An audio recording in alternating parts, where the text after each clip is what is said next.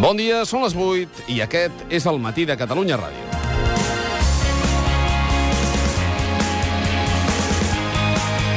Cinquantena d'entitats representatives de la societat catalana van fer un pas més en el procés per exercir el dret a decidir de Catalunya iniciat ara fa 9 mesos amb la manifestació de l'11 de setembre.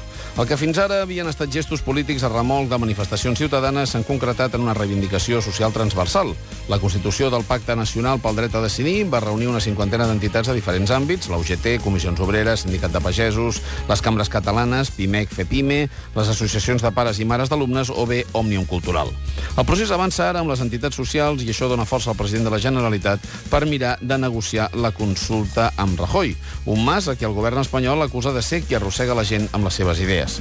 El que no s'ha volgut entendre des de Madrid és que el procés sobiranista arrenca del carrer, d'un poble cansat de ser menys tingut i no d'una falera exclusivament política. Si Madrid ho hagués entès i ho hagués actuat, segurament ahir la taula pel dret a decidir no s'hauria hagut de constituir.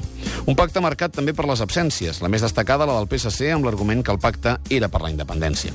Molts dels assistents es van desmarcar d'aquesta idea i el conseller Francesc Coms, que de seguida ens acompanyarà, va remarcar l'objectiu final del pacte.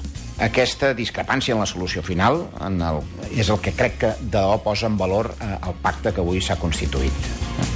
Perquè, de fet, és el que reforça la idea de que, vaja, de que el principi del dret a decidir és una aposta simplement per la radicalitat democràtica. A partir d'aquí veurem com avança tot plegat, fins on dura aquest cert consens amb absències, com respon Madrid a la petició de consulta i quina nova cimera ens presentarà als ciutadans el govern de Catalunya. Benvinguts a casa vostra. El matí de Catalunya Ràdio, amb Manel Fuentes.